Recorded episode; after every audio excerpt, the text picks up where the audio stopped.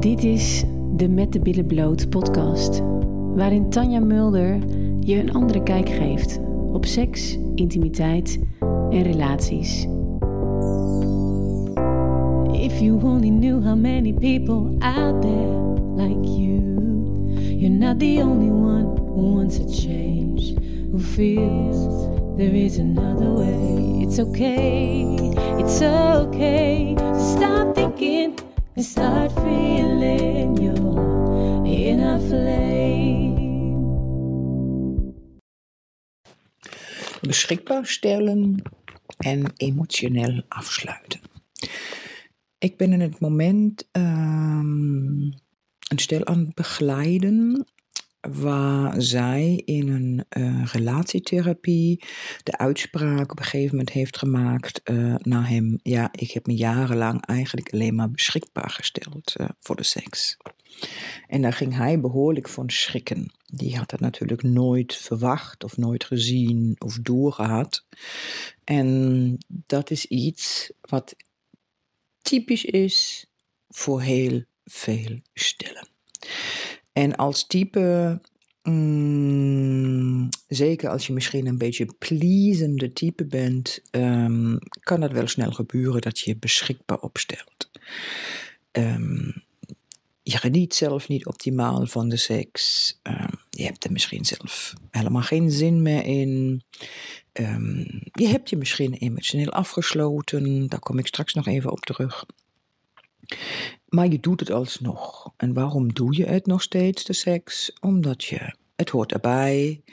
Ehm, het is iets wat in de relatie hoort. Je wil uh, je partner gelukkig houden. Je wil proberen je relatie gelukkig te houden. En dan uh, doe je het nog. En die ene wat meer dan de andere. Hè? Als je een pleaser bent, dan ga je het echt regelmatig blijven doen. En als je ietsjes minder een pleaser bent, nou ja, dan ga je dus eigenlijk vaak, uh, vaker nee zeggen. En dan doe je af en toe, maar dat je het nog doet, nou ja, dan stel je je dan beschikbaar. Dus, en wat houdt nou echt beschikbaar stellen in tijdens de seks? Dat je eigenlijk je lijf geeft. Je bent er zelf niet bij. Ik zeg altijd leuk, hè? Je bent met het hoofd met andere dingen bezig. En je geeft je lijf aan de ander, nou, als ik het echt grof mag zeggen, om zijn ding te doen. En ik denk alleen wat wij niet beseffen is hoe schadelijk dat dus is voor onszelf. Wat we onszelf dus eigenlijk hiermee aandoen als we dat doen. En uh, je mag één ding niet vergeten. In dat moment dat je je lijf geeft en een ander probeert jou te bevredigen, zit aan je lijf, wil je opwinden, dan gaat het eigenlijk steeds erger worden. Er komt iedere keer weer in je systeem, in je onderbewustzijn, die stempel van seks is negatief. Dus het wordt alleen maar groter, de ellende. En uh, dus beschikbaar stellen is niet per se iets wat echt aan te raden is, uh, omdat je er gewoon echt bij jezelf heel veel um, kapot maakt. En hoe mooi zou het zijn als je echt geniet van een vrijpartij. Echt de seks krijgt die jouw manier van seks is.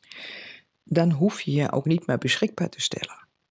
Dan kan je genieten van iedere aanraking. Je gaat uit je hoofd. Uh, samen leren wat de vrouwelijke opwinding inhoudt. Um, wat de grote verschillen tussen de mannelijke en vrouwelijke opwinding zijn. Ik denk dat is een hele belangrijke om dat van elkaar te weten. En um, waardoor het ja, niet meer aan doen, aan beschikbaar stellen.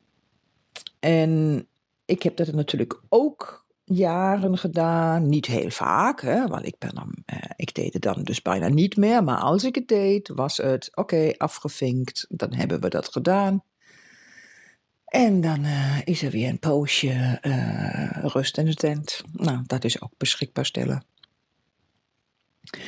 En, maar nu weet ik tegenwoordig hoe mooi het is en hoe fijn het is als je echt samen in de verbinding kan zijn, en het gevoel kan zijn en uit je hoofd bent om veel meer te kunnen genieten. Waardoor ik het ook leuk vind en ik me niet meer beschikbaar hoef te stellen. En nou, weet je dat het thema over beschikbaar stellen, dan um, emotioneel afsluiten, dat is het volgende stuk. Ik geef je nu een voorbeeld van dit stil.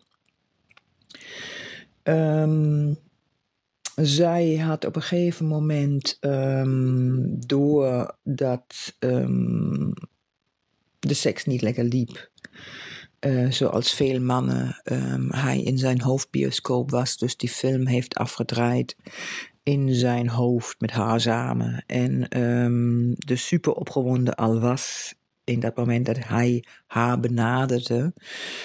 Uh, dat had ik aan hun uitgelegd. En, uh, en dan zei zij op een gegeven moment: Oh, ik zeg ze, nu snap ik het. Dus hij zit dus eigenlijk al volledig in zijn film.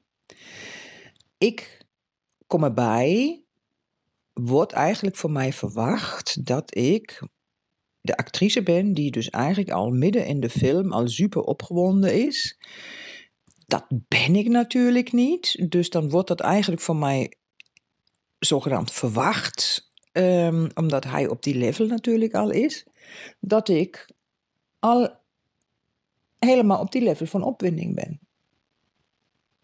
En, maar dat ben ik niet. Dus ik heb ook gevraagd of hij misschien ietsjes rustiger kon aandoen. Of hij ietsjes uh, een stap terug wou nemen om, om, om haar ook even mee te nemen in de opwinding. Omdat zij er gewoon nog niet was. En, um, en dan kan het gebeuren dat uh, uh, een man nou, daarop geïrriteerd raakt. Um, het gevoel heeft zelf dat hij, dat iets verkeerd doet, dat hij um, het niet goed doet, of dat hij uh, boos of geïrriteerd wordt omdat zijn film niet vervuld wordt uh, waar hij in zit. Dat is natuurlijk iets wat ik wel vaker van mannen hoor. Die zeggen van ja, ja, ik heb altijd inderdaad een heel stuk wat ik al graag wil doen. En dan heb ik het helemaal voor mij al gezien. En dan gebeurt het natuurlijk niet. En dan ben ik teleurgesteld. Nou, dat is wat ook uh, mannen open en eerlijk oprecht ook uh, zeggen. En ook nu snappen hoe het kan. Maar wat dan gebeurt um, bij veel vrouwen is dat uh, ze hebben de poging gedaan om iets aan te geven. Uh, er werd niet op gereageerd of misschien zelfs geïrriteerd op reageerd, omdat er geen begrip is en het ook niet snappen van de man van zijn eigen hoofdbioscoop en dat hij daar eigenlijk al midden in de film is en zij voor nog niks weet. Um, dan gaat zich een vrouw emotioneel afsluiten. Dat betekent dat ze dan zoiets heeft van, nou weet je wat, laat maar. Ik heb nu geprobeerd om iets aan te geven. Um, en het wordt niet opgepakt. Niet even de schuld geven aan de man of aan de vrouw, even voor de duidelijkheid. Oké, het is wat het is. Heeft alles maar met geen kennis te maken over het thema, over de vrouwelijke en mannelijke opwinding. Dus ik wil hier niemand nou zeggen, is jouw schuld of jouw schuld. Het is gewoon wat het is. Um, maar dat ze zich dan afgesloten heeft. En nou, dan krijg je het stukje ook weer beschikbaar stellen. Nou, neem dan maar mijn live en doe je ding maar. En dat is toch iets wat ik graag met uh, je wou delen. Dat je um, even kijkt voor jezelf. Wat doe je? Stel jezelf beschikbaar. Heb je jezelf misschien emotioneel afgesloten? Denk eens daar eens over na en um, kijk of dat iets is wat je graag wil veranderen. En zou je willen leren om te voelen, uit je hoofd te gaan, meer kennis op te doen over dat stukje hoofd, de grote verschillen tussen de mannelijke en vrouwelijke opwinding, kunnen jullie heel discreet, jij en je partner, of jij alleen eerst, wie het luistert, man of vrouw, een online training um, doen waar je dus eigenlijk al de kennis die ik nu een beetje probeer uit te leggen, krijgt. waar je waardevolle inzichten krijgt en bewustwording, waardoor je de eerste stappen kan zetten om uh, misschien een gesprek aan te gaan. Misschien samen te kijken, oké, wat kunnen we anders doen? Maar ergens al een stap te zetten. Want als een stap niet gezet wordt, dan gaat er niks veranderen. En misschien is het nog nu niet zo ver en het komt wel, maar in ieder geval heb ik misschien toch weer ergens zaadjes geplant in de bewustwording wat, wat er speelt. Dus ehm, ik hoop dat ik je hierdoor weer een beetje inzicht heb kunnen geven. Dag lief mens. Dankjewel voor het luisteren. En ken je mensen die baat hebben bij deze podcast? Deel deze dan met hen. Zo maken we de wereld samen een stukje mooier. En wil je meer van dit? Abonneer dan op mijn kanaal. If you only knew how many people out there like you. You're not the only one who wants a change.